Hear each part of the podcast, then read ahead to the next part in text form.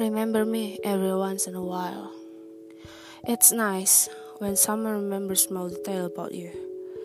Things you like, things you dislike, what kind of book you read, your favorite song, your smell, and etc. It's just wonderful to be remembered. Dalam buku Things and Thought I Drew When I Was Bored Karya Naela Ali